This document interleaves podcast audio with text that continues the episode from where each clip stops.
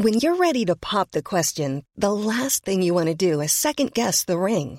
At Bluenile.com, you can design a one of a kind ring with the ease and convenience of shopping online. Choose your diamond and setting. When you find the one, you'll get it delivered right to your door. Go to Bluenile.com and use promo code LISTEN to get $50 off your purchase of $500 or more. That's code LISTEN at Bluenile.com for $50 off your purchase. Bluenile.com code LISTEN. Insane!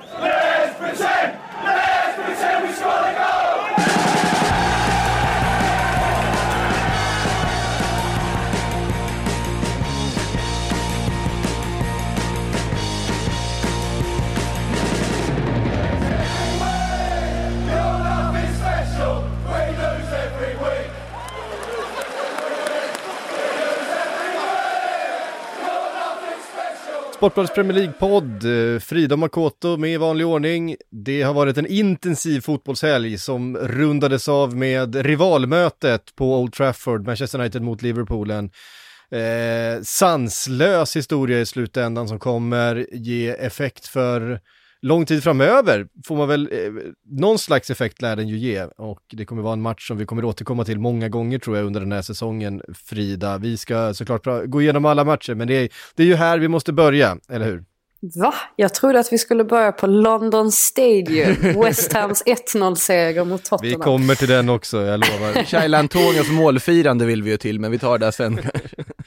Ja, ja, men eh, nej, men vad, vad ska man säga? Det är väl nästan snudd på, så att jag tänkte lite på det, att det är nästan snudd på att United förlorar för stort här för att man liksom enbart ska fokusera på Liverpool. För så blir det ju inte nu. alltså det är, så, det är ju det är ett sånt historiskt resultat på så väldigt många vis. Framförallt då eftersom att detta möjligtvis kan ha varit Manchester Uniteds värsta, ja det är väl antagligen den värsta insatsen de har gjort eh, någonsin kanske då.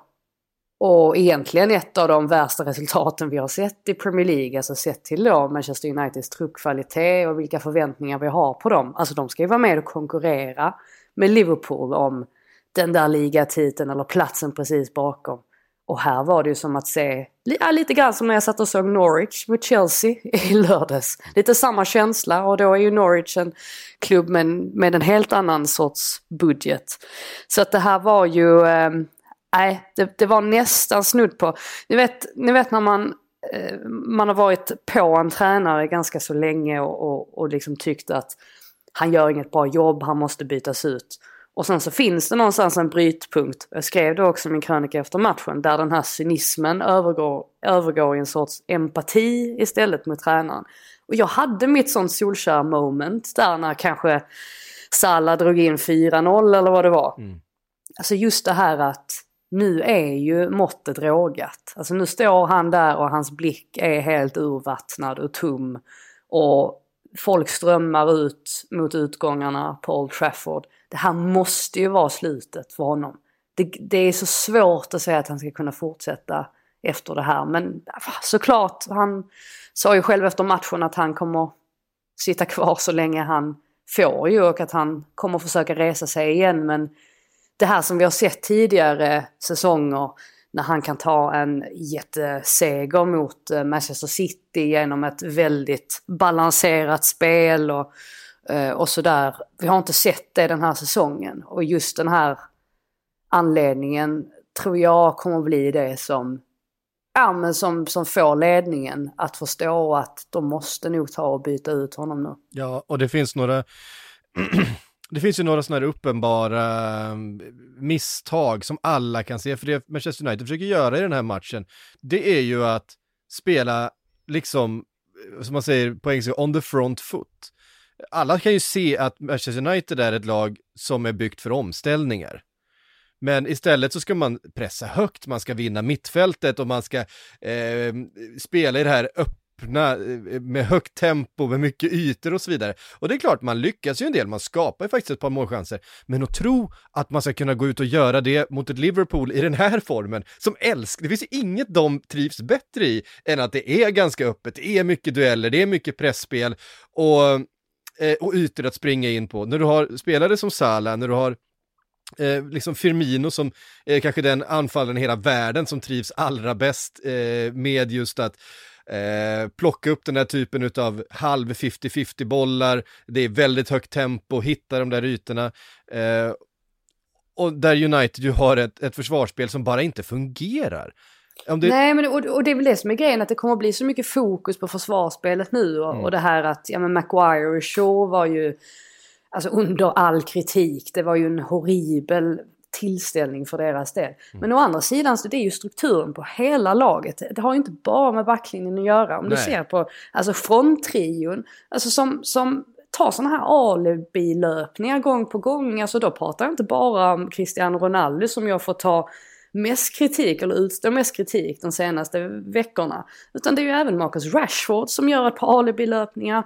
Eh, mm. Alltså Greenwood är inte heller i synk. Det är ingenting som fungerar och kvar står Fred och Scott McTominay och ska försöka handskas med Liverpools mittfält. Det går inte. Och det gör ju också när yttrarna inte är i balans med ytterbackarna. Då, då vet ju aldrig Wan-Bissaka, då hamnar han för högt upp. Och då hamnar ju Lindelöf nästan som en högerback istället. Och då lämnas Maguire och Shaw till mm. sitt öde. Och, och, det såg vi ju att det fungerade inte särskilt bra. Så att det är så mycket i det laget just nu som inte fungerar. Och det är ju någonstans på grund av att de spelar med en riktig striker nu så att säga. Alltså när de vann de här matcherna mot Manchester City och de större lagen. Då, då valde de ju oftast att spela med en, en, spelare längst fram som, ja, men som pressade på ett betydligt bättre sätt. Och det, det, gör de inte nu. Och då, det är som att allting har kollapsat. Ja. Alltså, men, titta ja. på vad de, alltså första målet som på något sätt bara sätter standarden för alltihopa. När Harry Maguire plötsligt tror att han är någon sorts right wing back och springer upp och så kommer liksom Liverpool-spelaren mot en ensam kille. Resten av United-spelarna bara joggar bakom. Och det, det bara, bara sätter hela standarden för alltihopa, för det, jag vet inte liksom hur många haverikommissioner man behöver tillsätta för att lösa det här, för att det var ju allt bara fullkomligt fallerade. Ja. Och det, det är så svårt att liksom sätta, såklart man, det finns ju andra aspekter att ta med sig, att Mohamed Salah, alltså fastställer att han är kanske världens absolut bästa fotbollsspelare. Jo, vi kommer ju vi kommer in, vi kommer på, komma in på Men det. Men det här haveriet går ju inte att liksom titta bort ifrån för att det är ju ingenting av någonting som fungerar på något Att Pogba kommer in, som också var lite så här, kanske ett frågasatt beslut på förhand att Pogba bänkas. När han kommer in så gör han en tvåfotare och blir utvisad. Ja. Uh, jo, men han var, han var inte den första som skulle ha blivit utvisad. Nej, så, nej, nej. Eller som ja. kunde ha blivit utvisad. Så att nej, men det är en sån frustration. Alltså om vi tittar på statistiken. Vunna tacklingar för Manchester United. De är alltså sist i ligan. Ja. De har alltså minst antal vunna tacklingar i hela ligan. Misstag som leder till mål, sist i ligan. Alltså det här är ett Manchester United som ska vinna den här ligan, det var det som var målet. Då kan man inte vara vunna tacklingar 20 plats. Och sen, eh, och, och, då har man med sig det inför den här matchen och så kliver man ut mot, ett, mot, mot Liverpool och ska tro att man vinner den, liksom den duellen på det sättet. Att, uh, att skicka upp ett osynkat pressspel mot uh, ligans kanske liksom mest formstarka lag. Uh, det är ju så på förhand helt, det finns ju ingen på den läktaren som hade reagerat och tyckt att nej men det här är inte mitt Manchester United. Om man går ut och liksom sätter försvarsspelet.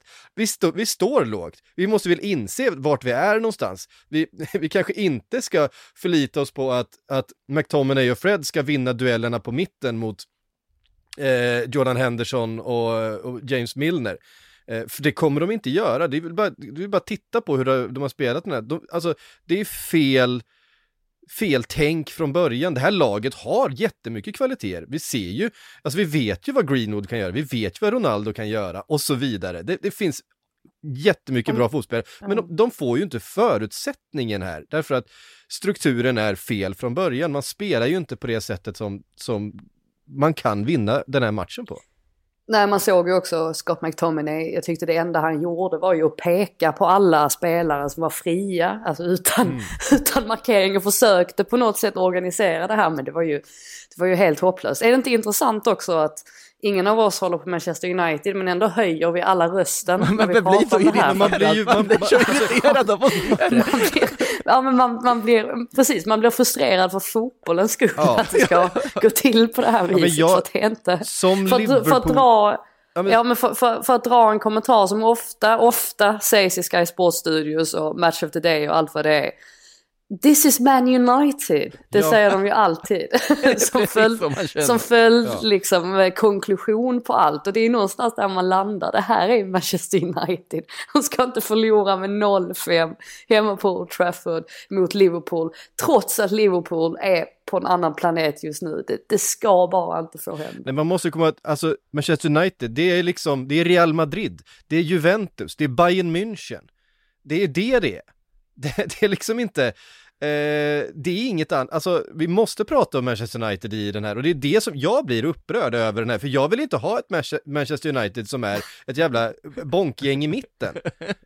alltså, det, alltså, det, jag, jag, vi har- Ja, det, var ju, det, det, var ju det, jag, det var ju det jag menade i början också Ja. med att det, det blir på något sätt att nu riktar man så mycket uppmärksamhet mot Manchester United istället för mot Liverpool. Hade den här matchen slutat sådär, ja men 2-0, då hade ju allting, allt strålkastarljus hade ju, eller mer av strålkastarljuset hade riktats mot Liverpools insats. Och nu blir det som att det är så, det är så abnormt så att det går, det går knappt att ta in att de faktiskt vann med 5-0. Det är ju, det är ju helt otroligt. Men det är också sättet målen går till på. Alltså det, det, är, det är ju en sak om det är liksom drömskott i krysset från 30 meter och super, alltså såklart Liverpool gör det jättefint och utnyttjar varenda litet misstag United gör.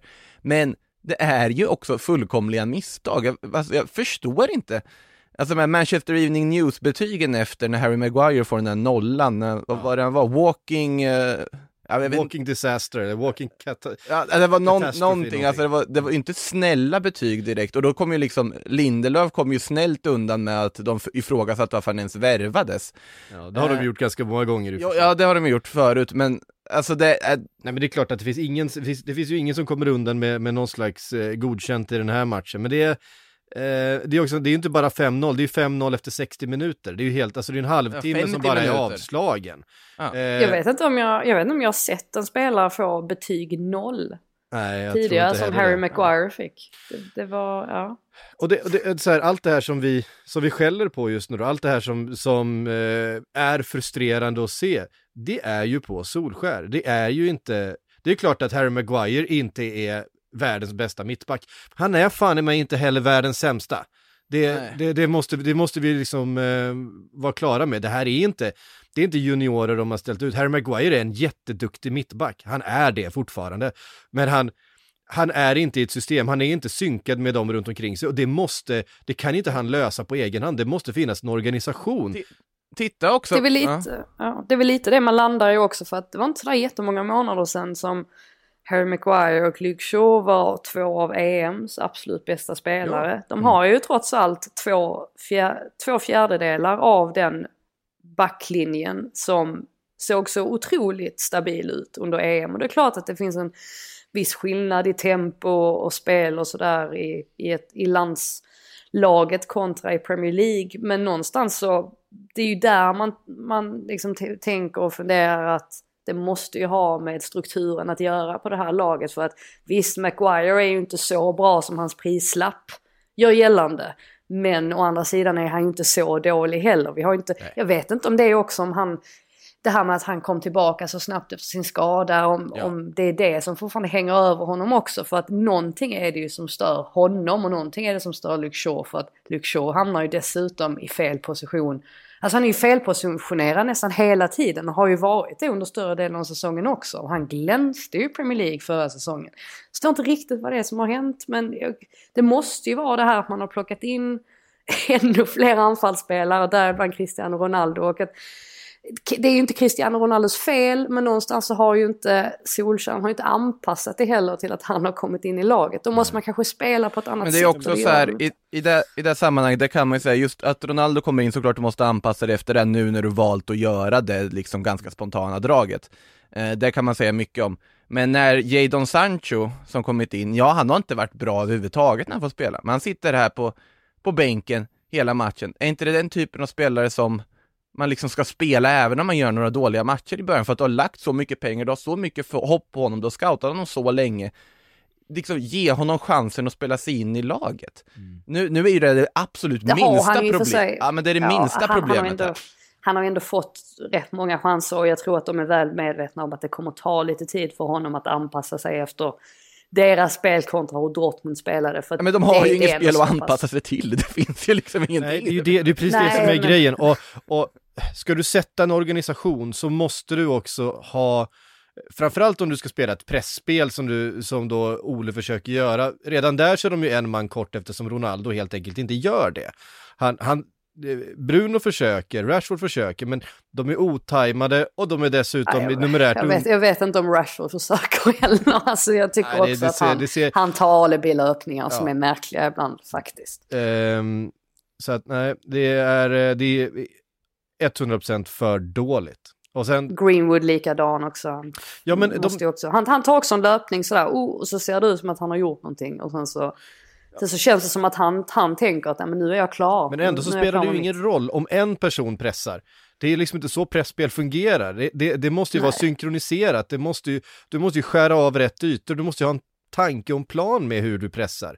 Alltså, du måste ju pressa eh, och stänga en yta och då måste ju nästa fylla på på, nä, eh, alltså, på nästa yta för, du kontrollerar ju din motståndares uppspel genom din press. Det här, det här låter som halvtidssnacken brukar ha i mitt korpenlag när vi lägger under med 5-0 i paus. Bara, vi kan inte pressa själva.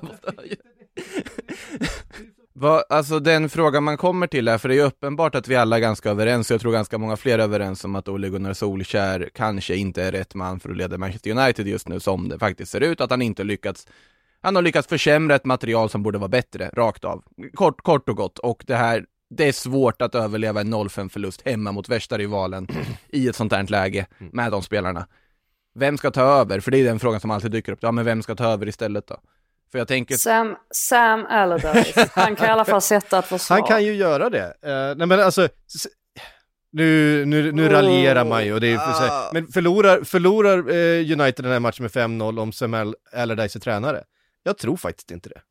De förlorar antagligen matchen. nej men de det vinner inga matcher med mycket 5-0 mindre. heller. Och Vad, sen- vad men- slutade... försöker jag- De förlorade väl någon match ganska stort under honom som West Brom-tränare, gjorde de inte det? Var inte det mot Man United eller var, var Jo, det de, kolla- Liverpool? de Eller kollapsade i någon match gjorde de, men jag minns inte exakt vilka Men det är var. ju också så här, med betydligt sämre material. det? Ja, ja. Alltså, nej men precis, det går inte att jämföra. Nej, nej, nej. Vi måste säga någonting om Liverpool också då, som ju såklart Ja. slickar sig om munnen här och bara eh, tar, eh, ja men de får fingret och tar hela handen, det, därför att det är ju den formen laget är i. Eh, Vad Ma- säger vi Alltså, om Mohamed- dragen? Alltså taktiskt. Att man är bänkad bland annat och sånt. Eh, Mané bänkad, det vet jag inte riktigt vad det eh, beror på. Matip bänkad, han är rätt skadebenägen, men jag tror också att det handlar om att eh, på sikt så är det Konate som ska spela bredvid van Dijk. Vi har ju sett det många gånger från Jürgen Klopp att nya spelare som spelar på viktiga positioner, de behöver några månader för att lära sig systemet. Man kastas bara inte rakt in. Vi såg det med, eh, med Fabinho, vi såg det med eh, Robertson när de värvades. Det tog ungefär någonstans fram till in i oktober-november innan de faktiskt fick en, en plats i startelvan. Eh, Thiago var nog tanken eh, samma sak, eh, sen var han liksom tvungen att kastas in lite grann.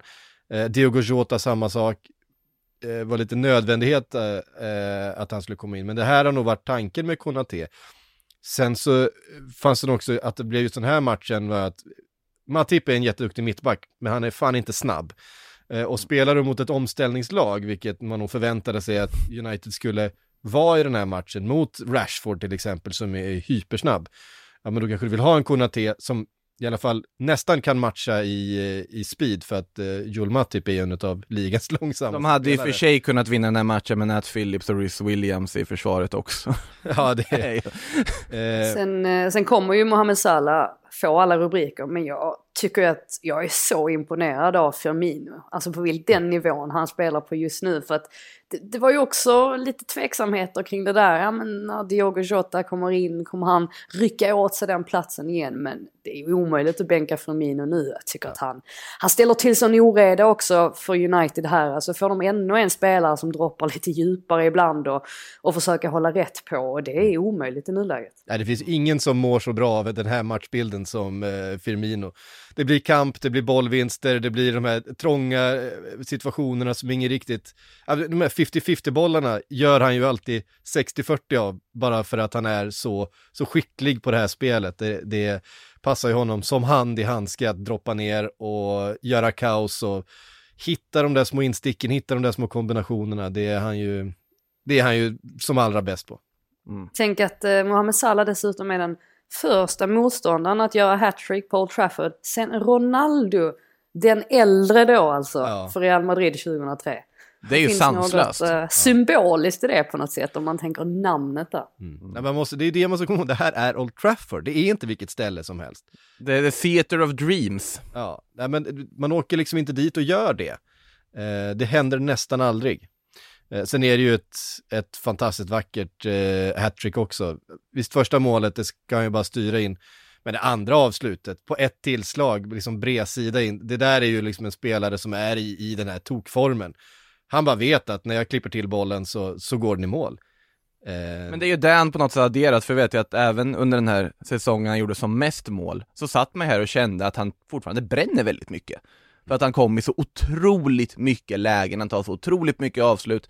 Det känns som att det är en aspekt i spelet som Mohamed Salah har adderat på att nu sitter de flesta skotten, nu kommer han till helt andra former av lägen och han sätter målen.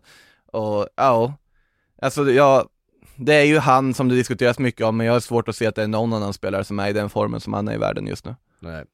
Eh, jag tycker vi måste nämna Keita eh, som ju eh, får bäras av skadad efter Pogbas tackling där, eh, det som leder till rött kort. Han är faktiskt inblandad i alla de tre första målen. Eh, det är ju han som gör det första, Mm. väldigt vackert. Eh, fin löpning, fint avslut. Eh, det är han som vinner bollen från Maguire och Luke Shaw när de springer ihop och spelar ner till Trent och det är han som spelar fram eh, fångar upp den där bollen och spelar in den till Salah, så att han, han är ju i, högsta grad inblandad i alla de tre första målen. Och Cred till Klopp som Ja. verkligen prickar mittfältet där också, för det var väl också ändå något, någorlunda överraskande. Och det är liksom det som är lite, lite... Liksom, Fabinho skadad också. Ah. Ja, Fabinho skadad. Men det, det är ju frustrerande, för nu, visst Keita eh, stod för ett par misstag mot Atletico Madrid i Champions League, men han gör också ett mål och är ganska eh, liksom, bra offensivt. Han har börjat hitta den här formen, han har börjat hitta den här rollen. Och nu Han, bärs ja, av på bår och nu får vi se ifall han... Eh, han har ju haft så mycket press på sina axlar också för när Mm. han, han värvades in det var ju en sån prestigevärvning också. Han fick väl ta emot sitt, sin tröjan där av Gerard dessutom. Alltså det Ja. var så mycket... väntade Ja, ett helt som- år på honom liksom. Ja, ja men precis. Och, och all, förhoppningarna var så otroligt höga och han har ju inte infriat dem alls. Nej. Så att det är klart att det var trist timing där på, på skadan och när han verkar eh, ha kommit igång. Och med målskyttet inte minst för att det har ju inte, det har sett bra ut de senaste veckorna. Mm. Alltså den där foten i luften på det där volleyskottet mot Atletico, den har inte kommit ner på marken än liksom. Alltså det var, det var helt galet hur Viga var när han dundrar upp den. Ja, och mot Crystal Palace också var det va? Gjorde mål. Mot Crystal Palace också, ja. Ja. Jättefint mål. Eh, så att, eh, nej han har verkligen så, ja, vi, nu har vi inte fått någon bekräftelse på vad det är för skada än, så vi får väl se, men men det, har ju, det här känns ju som det har varit Keitas liksom förbannelse hela tiden. Han får några matcher ihop till slut så börjar han se ut som den där spelaren som, som värvades för, eh, för tre år sedan och sen eh, så går han sönder och så blir han borta och sen så får han göra inhopp och så ser han lite svag ut och sen så eh, ja, så håller det på sådär. Han kommer liksom aldrig igång. Det, det, det är trist. Li, lite, lite varningsklockor nu också på mittfältet väl? För man tänker att Verkligen. nu är det helt plötsligt lite skralt där. Ja, verkligen. Milner klev ju också avskadad så att eh, Mm. som dagsläget är så finns det bara tre hela mittfältare. Det är Henderson, det är Curtis Jones och det är eh, Oxlade Chamberlain och det är knappast liksom första Första valet, det är klart eh, Henderson är första val, eh, men Thiago skadad, Fabinho skadad, eh, Milner skadad, Keita skadad, eh, Harvey Elliott skadad. Det, är, det börjar likna mittbacksituationen från förra säsongen och det vet vi ju vad det fick för konsekvenser. Dags att göra ett Fifa-drag och flytta ner Firmino i mittfältet. Ja, ehm, Det borde inte funka, men det gör det säkert. eh, borde inte funka nej. ja, vi får väl eh, se. Eh, Jordan Henderson, fantastiskt bra i den här matchen också. Hans, eh, Assisten. hans assist till, till 5-0 är ju, den är så bra som den kan bli. Ja, magnifik passning. Men det är någonting med yttersidor också. Det är ja, 100 procent. Det, Mm. finns inget, det finns inget vackrare än en yttersida i djupled så. When you're ready to pop the question, the last thing you want to do is second guess the ring. At Bluenile.com, you can design a one of a kind ring with the ease and convenience of shopping online. Choose your diamond and setting. When you find the one, you'll get it delivered right to your door. Go to Bluenile.com and use promo code LISTEN to get $50 off your purchase of $500 or more. That's code LISTEN at Bluenile.com for $50 off your purchase. Bluenile.com code LISTEN. Um, Liverpool upp på andra plats bara då, då eh, tillbaks för att Chelsea är den som eh, leder den här tabellen en poäng före. Um, och man gör det efter seger med 7-0 mot Norwich och det är utan Lukaku eh, som är skadad. Ja, vem behöver en striker Frida? Nej, Det. Kai, för Kai Havertz gick ju upp och spelade striker och han gjorde inget av de sju målen. Nej, det, det är väl det som är grejen också. Det är inte som att Havertz, han glänser ju inte den här matchen. Men å andra sidan så, Chelsea spelar ju på ett annat sätt med honom. De är ju egentligen betydligt vanare vid att spela med en falsk nia som har ett helt annat typ av rörelsemönster, öppnar upp helt andra typer av ytor för yttrarna. Och man såg resultatet av det här mot Norwich ganska omgående och de hade ju inte, Norwich hade inte en chans i den här matchen. Det var, det var Chelsea från början till slut verkligen och Mount som inleder med att göra mål redan efter åtta minuter. De hade kanske inte skapat så mycket innan eller fram tills dess men sen rann det ju bara iväg där med Hudson Odoi, Kovacic som slår en helt fantastisk passning fram till honom. Eh, han gör mål. Eh, Reece James gör mål också. Tre akademiprodukter ändå som gör mål i första halvlek. Lite, lite fint ändå på något sätt. Jag tror att det är många Verkligen. som... Cobham har ju verkligen levererat den här helgen. Vi kommer säkert komma in mer på det. Kobben har lever- levererat de senaste åren får man säga. Jo, jo, precis. Men om man tänker just den här omgången sett till eh, målprotokollet så le- levererade de, eh, levererade akademin sannoliken. Och fortsätter ju där i den andra halvleken med att Chilwell gör mål. Han, mål. han är ju lite rolig också för att nu för tiden så känns det som att Chilwell han gör något slarvigt misstag och sen direkt efteråt så revanscherar han sig genom att dra, dra in ett mål. Jag tycker man har sett det de, de senaste matcherna och han har ju gjort rätt många mål också. Så att eh, ja, så får han hamna i målprotokollet och sen så är det Max Aaron som gör självmål eller noteras för det självmålet och Ben Gibson åker ut för han drar på sig två gula kort inom loppet av tio minuter och Mason Mount får göra mål trots att han slår en, en ganska halvtaskig straff men får var ju slå om hårt. den eftersom Det var hårt, det var hårt att döma bort den räddningen på Krul i det läget när de blir överkörda och sen så är det liksom en hundradels för tidigt Ja. från Och linjen. han har typ gjort ett självmål, för jag tycker han borde ha fått Ja, men, det. och Krul gör ju en kanonmatch verkligen. Han, han spikar ju igen under den här perioden när de redan, när liksom matchen är avgjord. Kan han inte bara få den straffräddningen känner jag, men nej. Ja, de hade ju marginalerna, marginalerna på sin sida ju, Chelsea får man ju lugnt säga. Ehm, och fick ju med sig det mesta här och Mason Mount då som aldrig hade gjort mer än ett mål i en match tidigare får göra tre här. Bara en sån sak och det var ju dessutom hans första mål för säsongen. Vilket ju är viktigt för honom. Alltså kom ihåg Frank Lampard var ju på honom om det för sådär två år sedan att ja, men Mason måste börja producera fler poäng. Och det hade han ju känt själv också nu förra veckan på träning att nej det är dags, det är dags att göra mål nu och så får han med sig tre här vilket såklart är ja, men, en oerhörd boost för honom.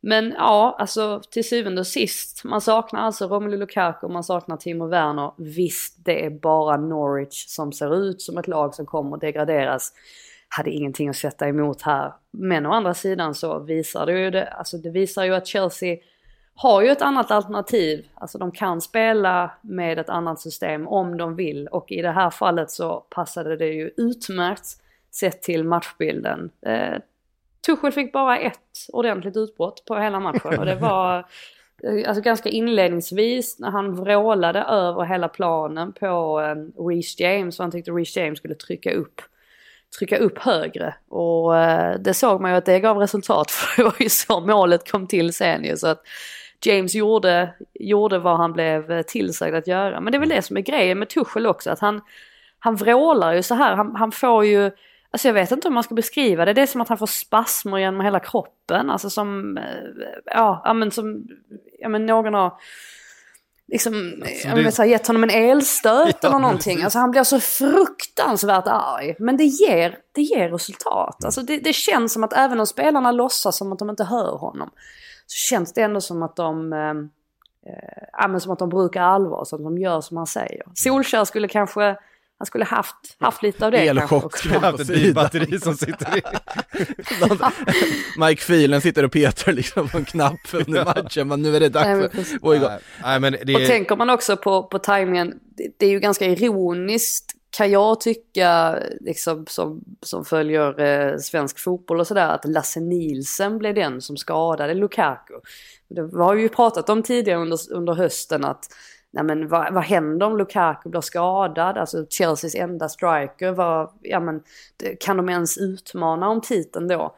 Eh, ja, alltså nu får vi ju ändå säga att Chelsea har ju tajmat det här ganska bra. Det, alltså såklart att det var ofrivilligt, men å andra sidan så möter de ju Southampton, Newcastle, Malmö igen och sen Burnley nu innan landslagsuppehållet. Det är inte sådär jättetuffa matcher så att då bör man ju faktiskt klara sig med de spelarna man har nu. Werner blev väl borta ännu längre antagligen. Han drog väl en, var väl en muskelskada och då, då väntas man väl vara borta i fyra till sex veckor eller någonting sånt där. Men ja, det kunde ha varit värre för Chelsea i alla fall, så mycket kan man säga. Du, du var ju och touchade lite på det här, man måste ju ändå ställa, för nu är det bara en match, vi får väl göra någon mer liksom grundlig analys sen liksom när de här andra matcherna spelats, men alltså med tanke på att Mason Mount inte har gjort så mycket poäng in, innan, han levererar på det här sättet nu när han inte har en striker, jag undrar ju lite om Mason Mount möjligtvis till och med mår bättre av att inte spela med en striker framför sig. Ja, men det är det jag menar med Mm. att det öppnas ju upp ytor på ett helt annat sätt Ja. för yttrarna. Och de kommer lite grann mer till sin rätt här. Mm. Och ehm, ja, det är väl det, alltså han har ju inte gjort så många mål ändå. Jag tror att, vad kan han ha gjort förra säsongen? Jag tror han gjorde sex mål eftersom att Jorginho blev bäste målskytt. Jag tror han gjorde sju eller åtta. Så han gjorde, Mount Mm. gjorde kanske sex mål då.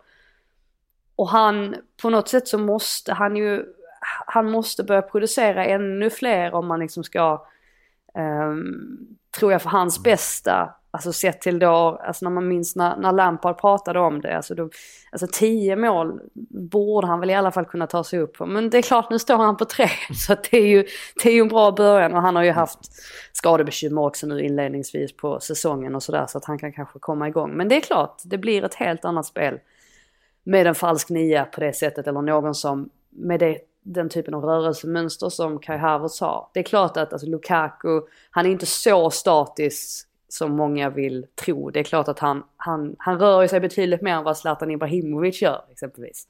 Men eh, samtidigt så är han ju inte alls en sån spelare som pressar. Han ligger ju otroligt långt ner på listan av spelarna som pressar mest. Jag tror att det är bara, det är bara Cristiano Ronaldo och sen Maximan som är värre än honom.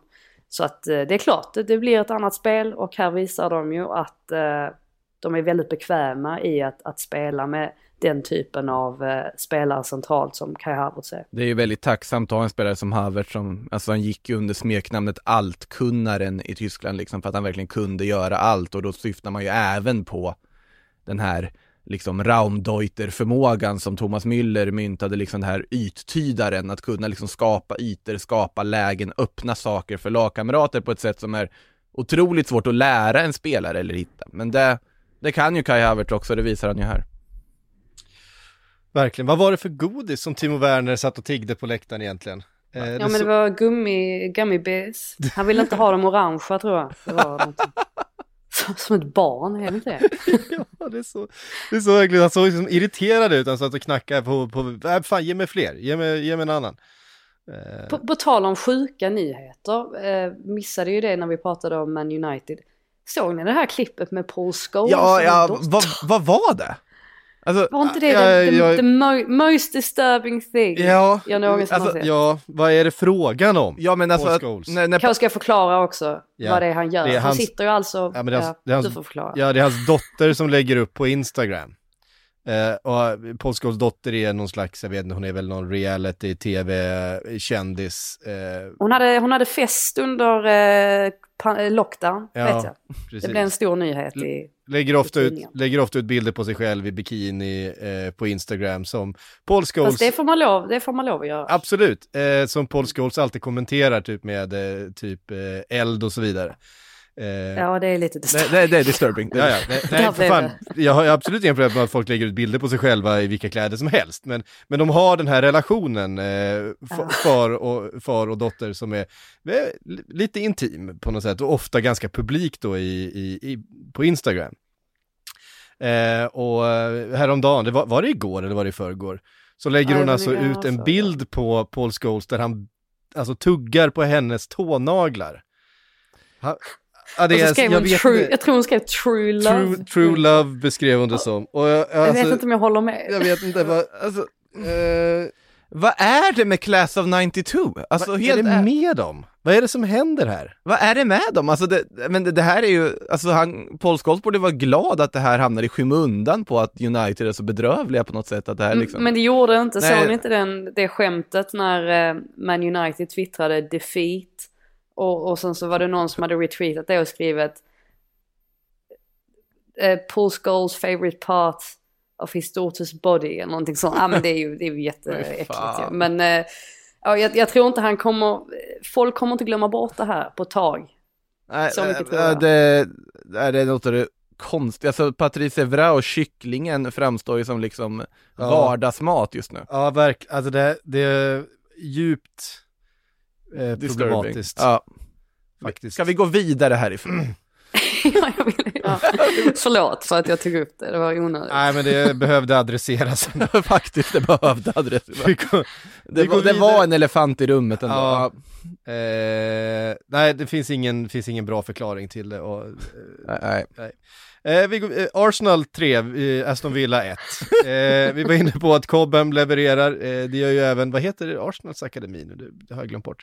Eh, Smith Rowe eh, levererade i alla fall i den här matchen, eh, otrolig insats eh, från honom och eh, en väldigt fin insats från Arsenal som börjar verkligen se ut som en eh, utmanare, kanske inte till eh, de absolut högsta positionerna men de kan ju definitivt utmana Manchester United om en fjärde plats eh, den här säsongen. Ja, Hale End ska eh, flikas in att den heter. Ja, Akademi. Men i alla fall, jag, jag var ju på matchen i, eh, i måndags där mot eh, Crystal Palace. precis, den hann vi inte Där de höll veckan. på. Nej, precis. Och det, det är ju lite udda kanske att man spelar både måndag och fredag på hemmaplan. Otroligt cursed speltider båda två. Jätte, Ja. jättekonstigt varför de får en fredagsmatch efter en måndagsmatch kan jag tycka. Men alla, även om de inte har Europa. Och grejen är ju att matchen med Crystal Palace, den inledde de ju hyfsat bra. Men sen var det någonstans att balansen fungerade inte alls med Crystal Palace. Alltså de, eh, Thomas Partey gör ju en av sina sämsta matcher i Arsenal och är helt blottad. Tyckte att backlinjen var skakig. Det fanns inte mycket positivt att hämta för den matchen. Och därför är det ju jäkligt imponerande ändå. Och där får man ju ge cred till Arteta, inte minst att han på något sätt hittar den där balansen mot Aston Villa som var en annan sådär match när man tänkte att här kommer Arsenal få det svårt för att Aston Villa har inget, ingen dålig startelva att tillhandahålla. Men här var Arsenal helt enkelt det bättre laget. Och han satsar ju på Partey och Lokonga, Lokonga som kom in med Crystal Palace och såg också otroligt skakig ut. Fungerade inte alls speciellt bra men därför är det ju ännu mer imponerande att han faktiskt tar sig samman och lyfter sig i den här matchen. Sen var det, det blev ju så att de spelade 4-4-2 och eftersom att Lacazette också kom in. Och då blev det på något sätt som att alltså Aston Villa som ju spelade med en trebackslinje och har gjort det ganska mycket och gjorde detta under den första halvleken också. Det blev för mycket för dem att, att göra där för att Lacazette är ju, säga vad man vill om honom jag har aldrig riktigt begripit mig på honom till 100% men han är ju en sån där spelare som måste vara fruktansvärd att möta. Alltså han, han sliter och, och kämpar och kastar sig in i, i, i dueller och situationer och det, det gjorde ju att Dean Smith bestämde sig för att ta av Tuan Sebe till den andra halvleken och gå ner på en fyrbackslinje bara för att de skulle klara av det. Så att eh, nej, det var cred till Arteta där som hittade ett välfungerande system. Tycker dessutom att Ben White gör sin bästa match hittills i, i Arsenal och det, det är någonting han behöver också ju. Um, sen är det förstås lite ironiskt att Partey, alltså med tanke på hur många distansskott han har försökt sig på sedan han anlände till Arsenal, så är det lite ironiskt ändå att han gör mål på en nick eh, på en fast situation. Aston Villa som dessutom då fortsätter släppa in fasta situationer. Det kanske är lite, lite karma från att jag hyllade deras eh, nya coach för fasta situationer för några veckor sedan. Och däremot mot Manchester United och höjde honom till skyarna. Ja, det har ju gått så där nu på, på sistone. Inte minst då mot Wolves som de kollapsade också. Mycket på grund av, eh, mycket på grund av fasta situationer. Så nej, de kom aldrig riktigt in in i den här matchen även om de får det här reduceringsmålet från Ramsey där eh, mot slutet. Däremot en, en väldigt bra match från, från Arsenals sida. Eh, Ödegård, lite svårt att se hur han ska ta sig in i laget nu efter det här. Eh, tyckte inte att han var bra mot eh, Crystal Palace och eh, här kommer han ju in och gör inte sådär jättestort avtryck och han gör det ju eftersom att Lacazette körde ju slut på sig själv fullständigt efter 68 minuter. Han kunde inte ta ett steg till. Eh, och jag tycker definitivt att Lacazette förtjänar att, eh, förtjänar att starta efter det här. Mm. Um, det känns det som att Arteta börjar få eh, få ett spel och ett lag som mer liknar det hans eh, vision är och en viktig pusselbit i det verkar ju vara Ramsdale. Eh, som jag tycker Jag trodde är... du skulle säga Smith Rowe eller liksom Saka Ramsdale. Ja absolut, han har varit jättebra tycker jag. Ja, han... och, och, att han har satt ett försvar. Nu, nu var det ju Tierney, var ju inte med utan det var ju Tavares som fick spela vänsterback i den här matchen, gör det väl Liksom, det, det, känns som att han ändå har fått, det har varit inne på förut, att han har sitt försvar som han vill spela. Han har Tomiyasu, Ben White, Gabriel och sen så, ja, Tierney oftast. Må så vara Tavares inte, nu. Ja, det, det var... ja jag, jag är inte så säker på att Tierney, jag tycker inte han har sett han har inte kommit upp till sin, till den nivån man vet att han kan vara på mm. den här säsongen och tycker däremot att Tavares gör en fantastisk match. Så att jag skulle inte vara helt säker på att nu, nu var det ju en skada på Tini mm. men jag tror säkert att Tavares kommer att få spela ganska mycket nu hädanefter. Nej men det jag är inne på är, är Ramsdales, eh, Ramsdales spel med fötterna. Eh, som ju är bättre än eh, eh, Bernt Lenos. Eh, och det är ju en sån här sak som vi vet, alltså Arteta i Pep Guardiola-skolan eh, vill ju ha en målvakt som eh, kan bidra i det spelet, i, i eh, uppbyggnaden utav spelet och Ramsdale har ju varit faktiskt fenomenal sen han, sen han kom in och gjorde den där första spaden till sin. Ja, nej. Ska väl sägas också att uh, man kände lite med Martinez ändå som ju faktiskt räddar Aubameyangs straff var på Aubameyang drar in returen. Det, det, det ja, lite hårt ändå eh, nu när han liksom, sin återkomst på The Emirates. De har så en... det var ju en bra räddning. Jag tycker det är dags att lyfta Emi Martinez som en av de absolut skickligaste straffräddarna vi har, alltså målvaktsväg. Så är det ju. Och, och det är ja, mycket på grund vi. av hans shithousery också. Ja, och det är ju samma sak, vi nämnde Tim Krul innan. Eh, mm. Att han, eh, han, han, han, är framme och, och stör Mason Mount rätt rejält och när Mason Mount sen eh, slår in den andra straffen så är han ju rätt, han är ju framme och markerar mot Tim Krul också. Att, så att där har pågått, pågått dialog under en liten stund. Och det är ju det är två klassiska straffräddarmålvakter, ja. de, är, de är väldigt bra på det där.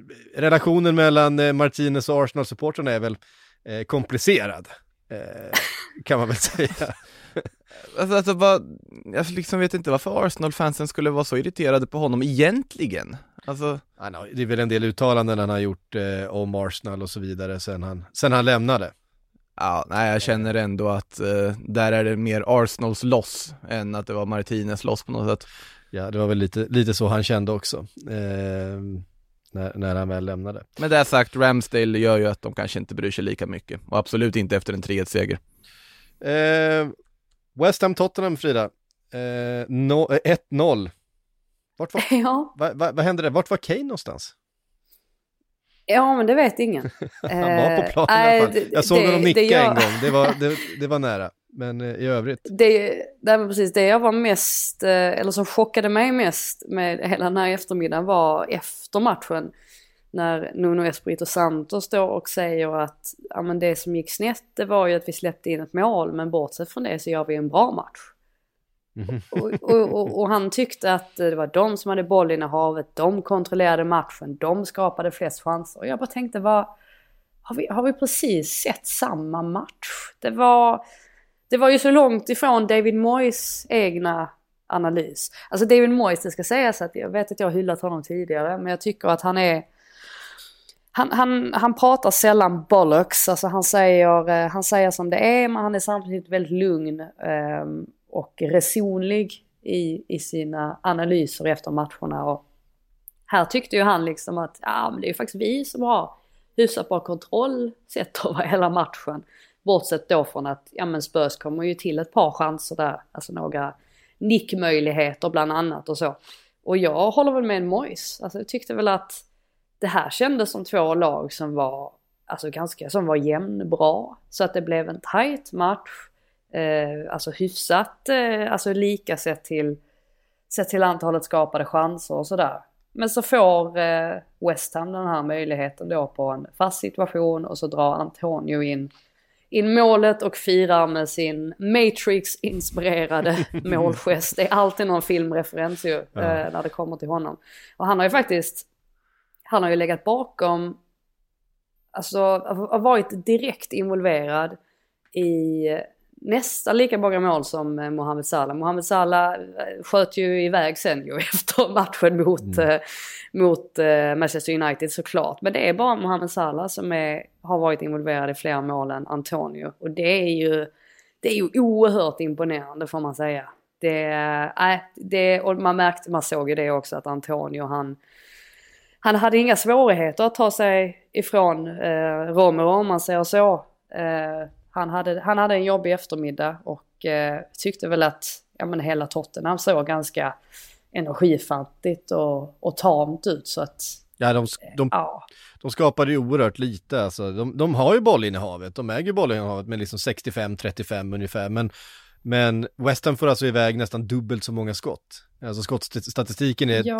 13-7 Eh, Eh, och det, det säger ju något om man, om man har det bollinnehavet men skapar så pass lite att det, det saknas en, en kreativ liksom, eh, spets på, på mittfältet. Det är någon som ska slå den där avgörande, det är någon som ska bryta dödläget på något sätt eh, och, och ta sig förbi Eh, det är såklart tajta försvaret som, eh, som West Ham ställer upp med. Ehm, och det är ingen som riktigt eh, har den spetsen just nu i Tottenham vad det verkar. Och systemet verkar inte riktigt liksom byggt för att bryta ner ett motstånd heller, trots att man, man har mycket boll. Men jag tycker också så här att, alltså mittfältsduon Skip Höjbjerg, den som används absolut mest frekvent av av Nuno där som liksom centerblock. Det är ju inte det mest kreativa och spännande mittfältet man kan hitta i världen direkt.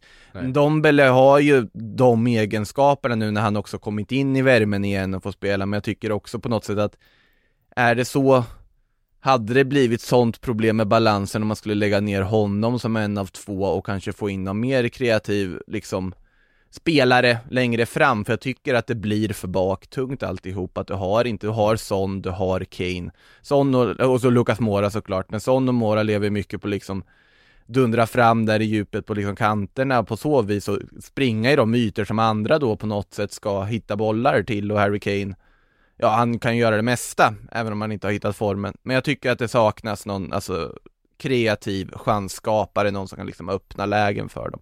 Mm. Uh, ja, det... Fanns ju en straffsituation där också i första halvlek ska väl, ska väl tilläggas med just en Dombele och Zuma. Precis. Uh, ja, vet inte vad man ska, alltså vad man ska tycka egentligen. Alltså det är klart att Alltså Zuma går ju in på ett sätt som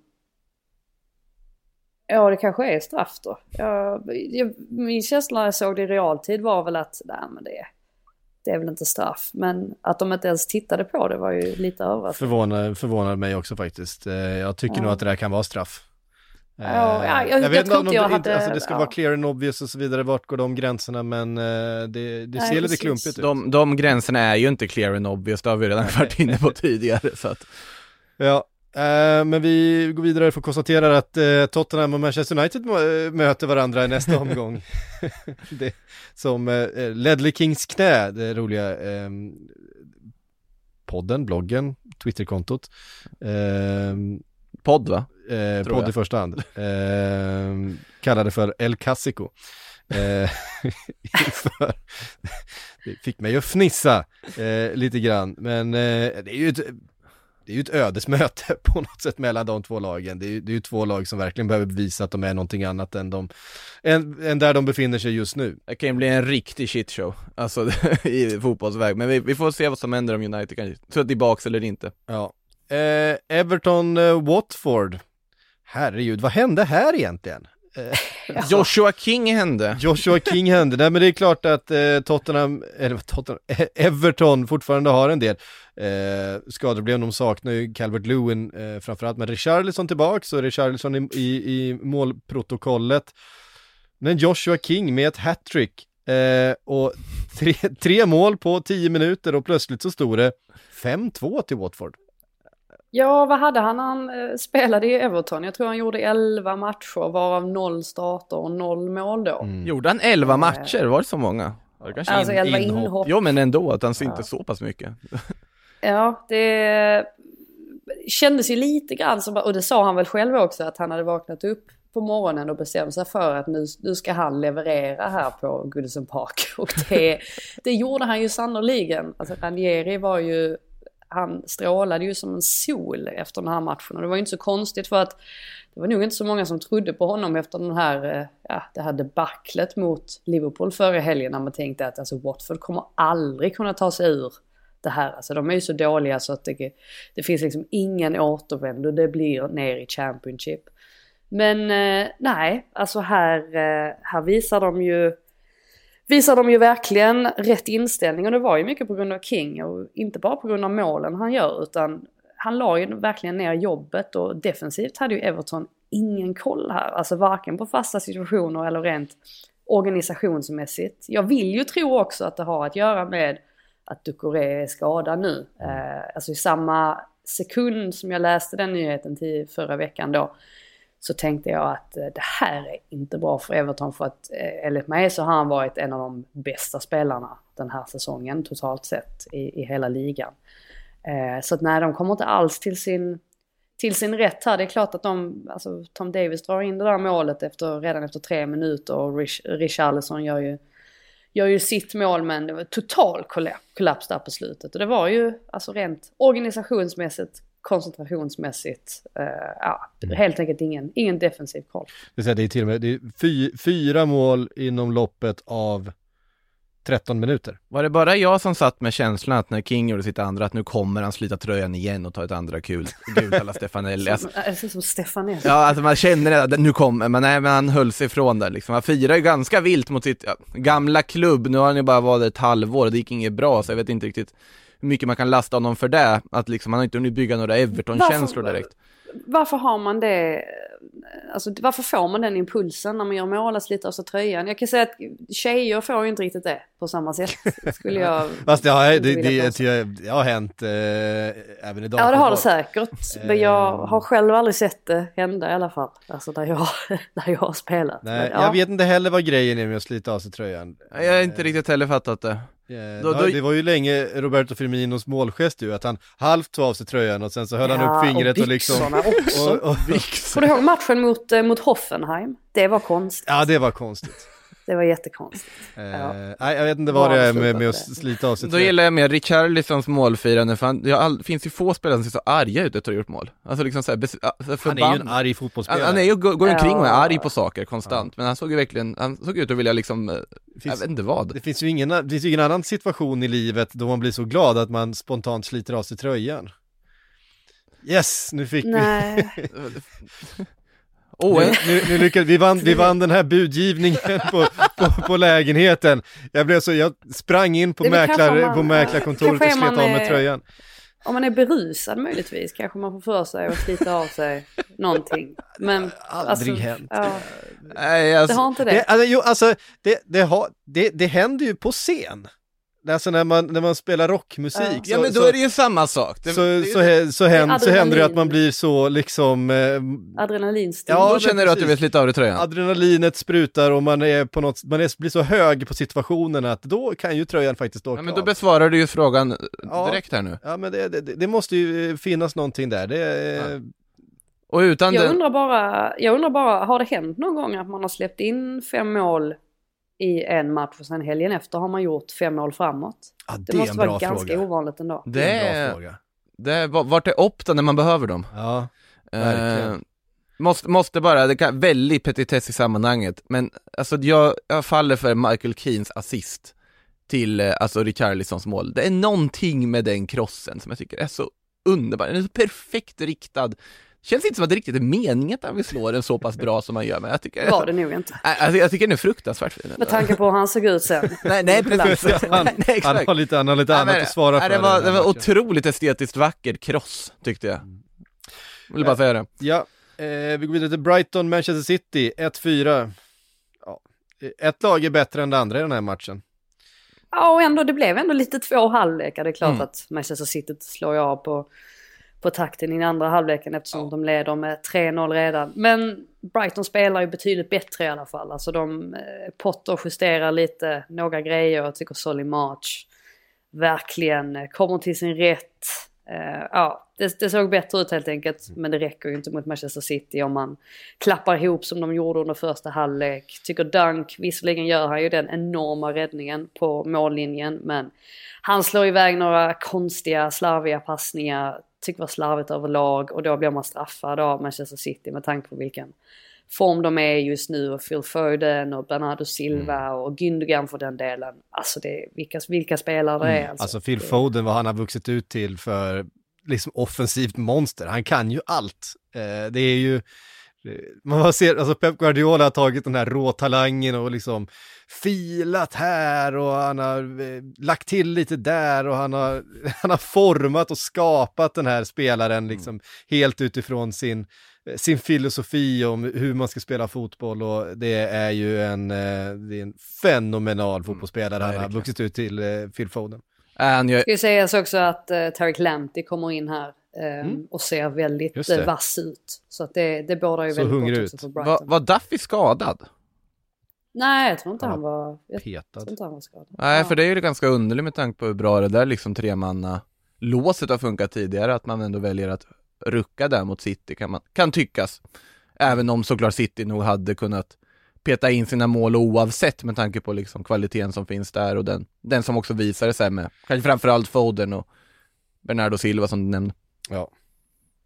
Ehm, Brentford-Leicester 1-2. Brentford som ju inledde säsongen så eh, fantastiskt och Leicester som ju eh, halkade efter och såg eh, tröga. De har nu börjat få ordning på grejerna. Seger mot Manchester United och seger nu i helgen 2-1.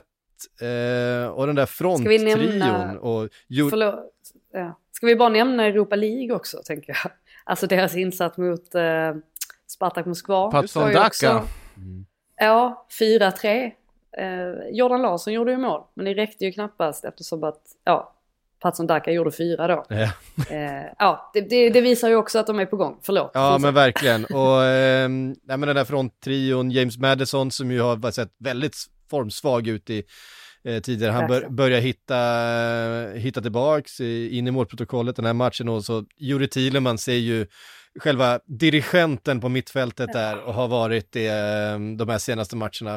Eh, Han gör bara snygga mål va? han, gör bara, han gör bara snygga, men han gör ju så mycket mer.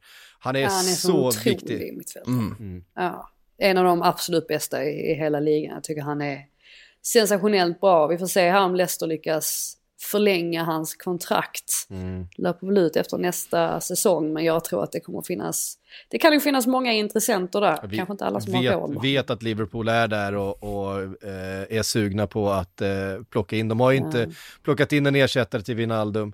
Eh, och ju, Intressant, ja. Juri- intressant, att jag, intressant att jag sa också att de kanske inte har råd med honom men om man ska tackla på ut så är inte det något problem. Eh, Nej. Ja. Fin, fin, finns ju ett visst annat konstprojekt som skulle kunna behöva en sån spelare också på mittfältet, men det, ja, eh, ja, Manchester United behöver ju De, de behöver en, en mer defensiv eh, eh, kraft på det mittfältet. Om det var det du tänkte på. Ja, bland, bland annat. Men, eh, nej, men där, där, där, och där vet vi också att, att Liverpool är beredda att vänta på, på en spelare om det, om det behövs, som de har identifierat att det här är eh, en del av vårt projekt långsiktigt framåt. Mm. Eh, det skulle inte alls bli förvånad fall det kommer in ett, ett bud eller en, de inleds en förhandling där. Eh, men just nu ser han ju helt eh, magisk ut, eh, Jure Thielmans tycker Det blev något av den där football manager-potentialen från typ FM 15-16 när han var liksom helt bizarr och sen så tog det lite stopp och sen så har han ju liksom lyft på en helt galen nivå här ändå i, i Ja, Leicester. han var ju bedrövlig i det där i Monaco när liksom det projektet krackelerade På och tal om konstprojekt ja, där Monaco, Ja, herregud.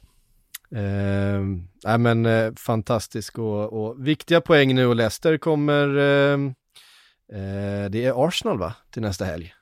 Det Ja, blir en, jag ska dit. det blir en Oh, viktig match. Till Leicester, Yes, Mm. häftigt. jag kommer att sitta på King Power.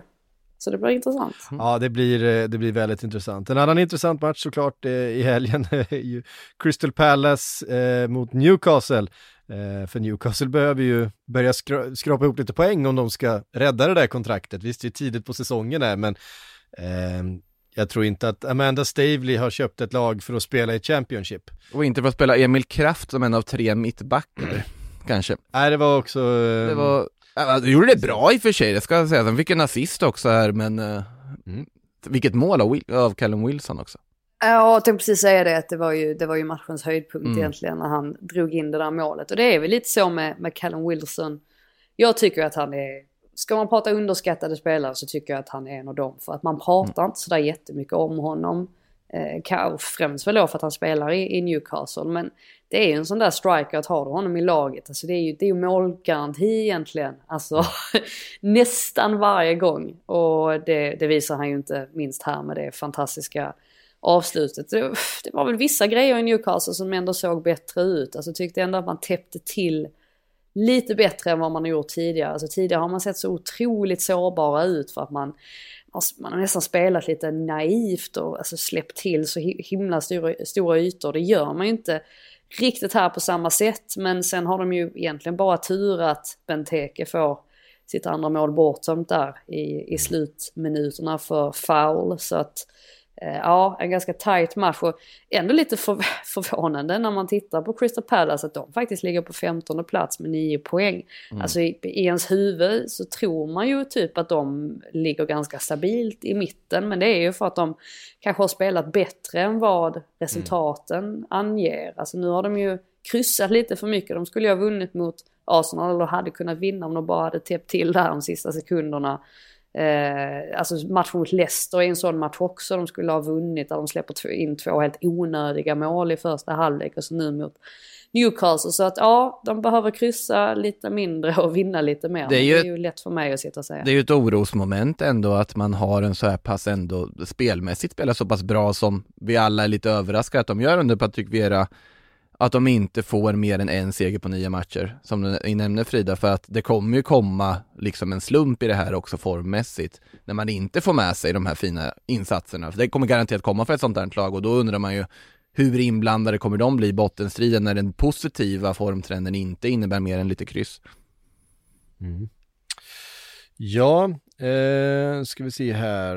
Du har två kryss till. Två kryss till att eh, redovisa. Leeds, Wolverhampton. Eh, fan, Leeds har svårt att få till det. Eh, nu eh, räddar man ju eh, en poäng i matchens absolut sista moment här med, eh, med straff, men eh, det, det där liksom hårt jobbande, liksom flygande laget som eh, vi såg under förra säsongen, de har de sprungit in i Bielsa-väggen? Det är väl det som är, är frågan. Vi vet att den finns. Jag, jag vet ju inte om ni hörde att norsk polis i Oslo ryckte ut under lördagen för att de hade fått in ett larm om en, en man som hade, hade vrålat jättehögt. Och så knackade de på och så insåg de då att det var en Leeds-supporter som firade det här sena kvitteringsmålet mot Wolves. Och det, den reaktionen eller den glädjen säger ju en del om vart Leeds befinner sig just nu. eh, ja, att de måste ta alla poäng de, de kan få här för att de ligger ju ganska riset på det i, i tabellen. Ja. Nu försökte de ju här, alltså fortfarande ingen Phillips, ingen, ingen Bamford och så försökte ju Bielsa här och mixtra med att sätta Daniel James centralt och det fungerade ju inte alls och de fick ju sätta ut honom på en kant. Men den stora stjärnan i den här matchen det är ju faktiskt Joe Geldhart som kommer in och i stort sett ändrar matchbilden och fick den här skadan också på Rafinha vilket såklart är oroande eftersom att han är alltså kanske deras allra bästa spelare då. Eh, Men Geldhart, nej, eh, jämfördes till och med med Messi och Martin Keown. Det var kanske att ta i, men det är ju faktiskt, det är faktiskt han som vinner straffen eh, som Rodrigo sen gör mål på. Det blev ju lite av en basketmatch där mot slutet, och som det gärna kan bli när, när Leeds spelar. Men de kom i alla fall in i det lite då.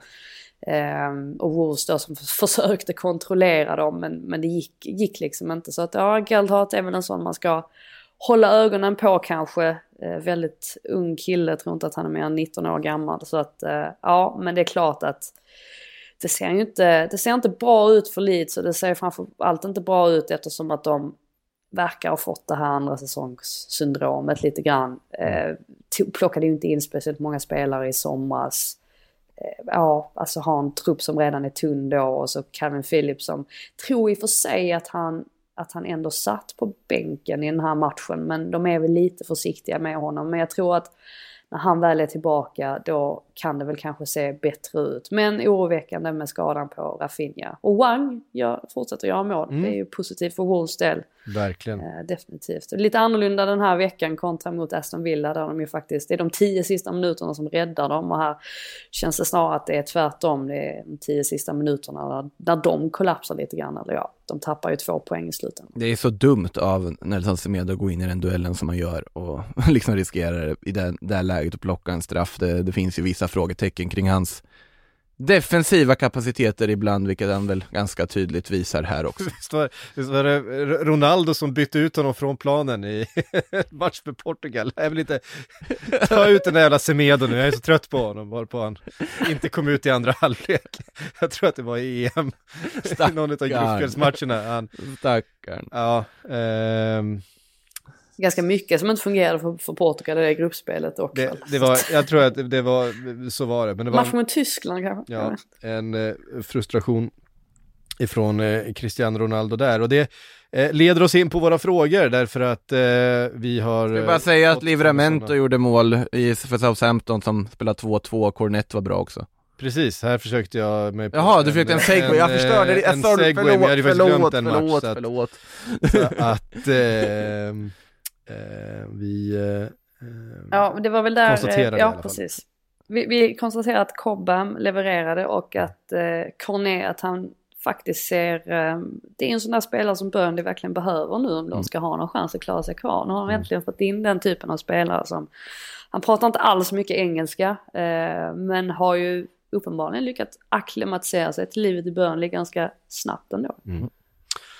Ehm, frågelådan öppnar vi och börjar med eh, en fråga från Jesper. Hur många matchers avstängning skulle Xhaka fått om han fick ett psykbryt eh, lik, likt Ronaldos? Noll. Du tror det? Jag hörde inte ens frågan, förlåt Hur många matchers avstängning skulle Xhaka fått om han fått ett psykbryt likt eh, Ronaldos? Jaha.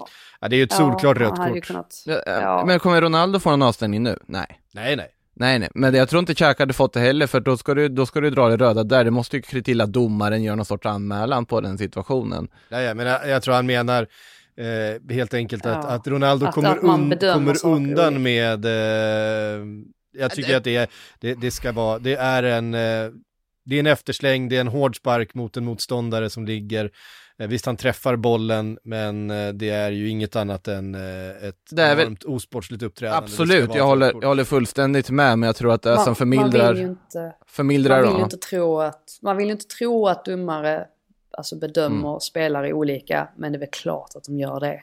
Alltså det, det, det ser man inte minst i den här matchen, tycker jag i alla fall. Ja. Det, och Xhaka är ju en sån där spelare också att jag tror att hamnar han i den typen av situation då åker han ut direkt för att han har bara det ryktet om sig att han, att han gör dumma grejer på planen. Så att jag tror definitivt att det, Att det är någonting som, eh, ja, men som säkert sitter i, i, i bakhuvudet på, på vissa domare. Ja, även om de såklart kommer förneka det. Eh, men ja, det, tror Men jag. alltså, jag, jag håller med om att det ska vara ett rött kort, men det är inte den förmildrande omständighet som gör att han inte blir utvisad, att just det är en situation där Alltså Curtis Jones ligger där med bollen och att man kan bedöma det på det sättet. Jag håller som sagt, jag tycker det är rött kort, men det är så jag tänker. Det är därför jag tror att Xhaka skulle inte heller ha åkt för den. Men jag kan känna naiv här. Ja. eh, äh, alltså det fanns mycket annat att, att, prata om i den här matchen, men det är klart att den situationen eh, var speciell. Pogba fick ju ett korrekt rött i alla fall sen. Pogba är, båda de två är ju röda ja, kort. Jo, ja, ja, inget, utan tvekan. Inget, eh, inget snack eh, för mig. Ja. ja, det kanske inte var så, eller ja, som sagt det var ju bara, det var ju en frustrerad en, en eh, reaktion av frustration från Ronaldo men det är väl klart att han måste förstå vad han gör när han mm. sparkar på bollen. Den kommer inte, bollen kommer inte gå någonstans. Att han, gör ju, han är ju bara ute efter att, inte ute efter skada men han är ju ute efter att, alltså någon typ av reaktion och ja. därav så kan man ju tycka att det är rött kort. Liksom. Exakt. Mm. Um, Acke undrar på vilken nivå i det engelska ligasystemet hade Harry Maguire huserat i om han inte var engelsman?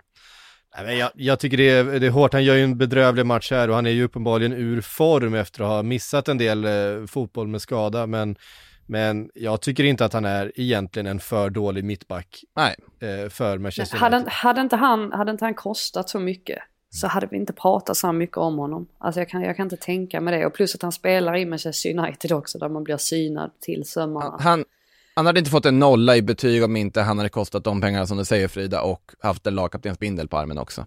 Och dessutom sagt ungefär samma sak fyra gånger i den där efter matchen-intervjun. Han, han återupprepar verkligen bara att förlåt till fansen och det kan man ju förstå också att man inte riktigt vet vad man ska säga efter en sån insats.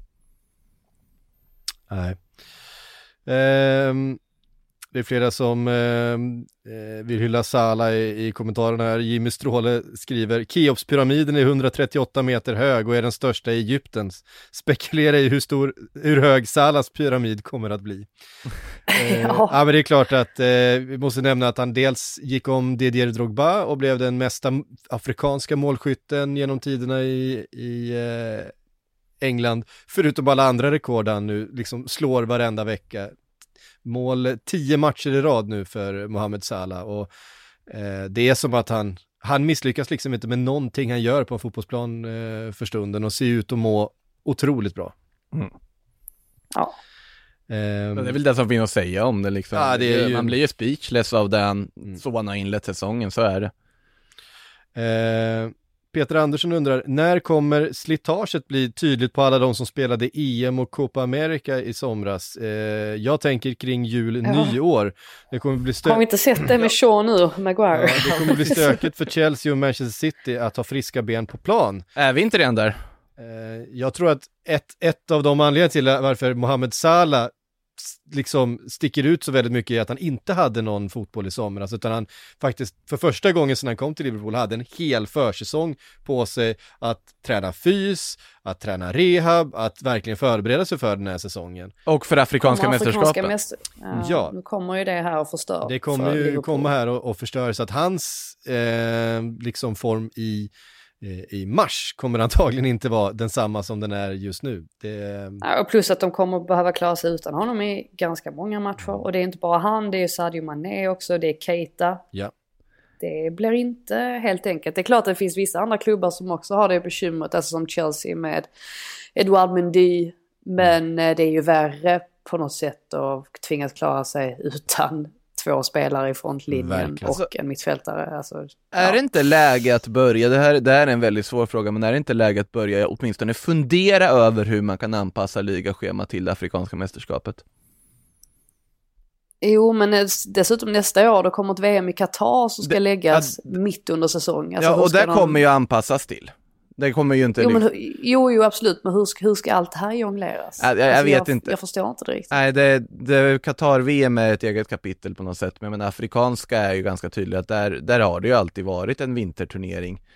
Det känns som att det borde finnas något sätt att lösa det på med tanke på hur många spelare som är aktuella för det här mästerskapet som är väldigt tongivande i de största ligorna idag. Så det är bara en allmän fundering, jag säger inte att det skulle gå att lösa, men det är ju en jättekonstig situation när ett lag som Liverpool till exempel måste bli av med, ja, Salah, Mané, Keita och så vidare när, när en sån här turnering dyker upp, för det påverkar ju jättemycket för väldigt många lag. Ja, eh, så är det ju verkligen. Nej, det kommer bli, det kommer bli tufft, eh, kan man lugnt säga. Det är då mina minnen kommer tre, skina. tre eller fyra ligamatcher tror jag det är som eh, kommer påverkas för Liverpools del. Mm. Men förutom då att man kommer att ha spelare som kommer vara oerhört slitna när de kommer tillbaka, för det är intensivt Ja. att spela ett mästerskap. Och, man kan väl, och det var ju det Tuchel sa tidigare i veckan också när han pratade om Romelu Lukaku. För att det var inte säkert att han skulle spela mot Malmö just av den anledningen att Tuchel tycker att han har spelat alldeles för många matcher och det är ju ett jäkla gnäll om alltså landslagsuppehållen och sådär. Men man har ju förståelse för det för att det blir ju väldigt, väldigt, väldigt många matcher för spelarna att spela och de får liksom aldrig något riktigt break heller. Men det, Så att ja, det är klart vi kommer få se effekten av det så småningom. Och som sagt, vi ser väl redan med både Shaw och Maguire som inte riktigt är med i, inte riktigt är med i matcherna längre. Nej. Hörde ni, det var eh, allt vi hade den här eh, veckan. En eh, intensiv Premier League-helg och nu väntar ligacup för, ett, ja, för de som är kvar där helt enkelt. Och sen så fortsätter det i eh, oförminskad kraft nästa helg. det sista året heter Carabao Cup va? Bara en sån sak. vi får passa på att njuta. ja, det var inte mer av det namnet, det tycker jag. eh, hörde ni, tack Frida och Makoto för att ni var med och tack alla ni som har lyssnat. Vi hörs snart igen.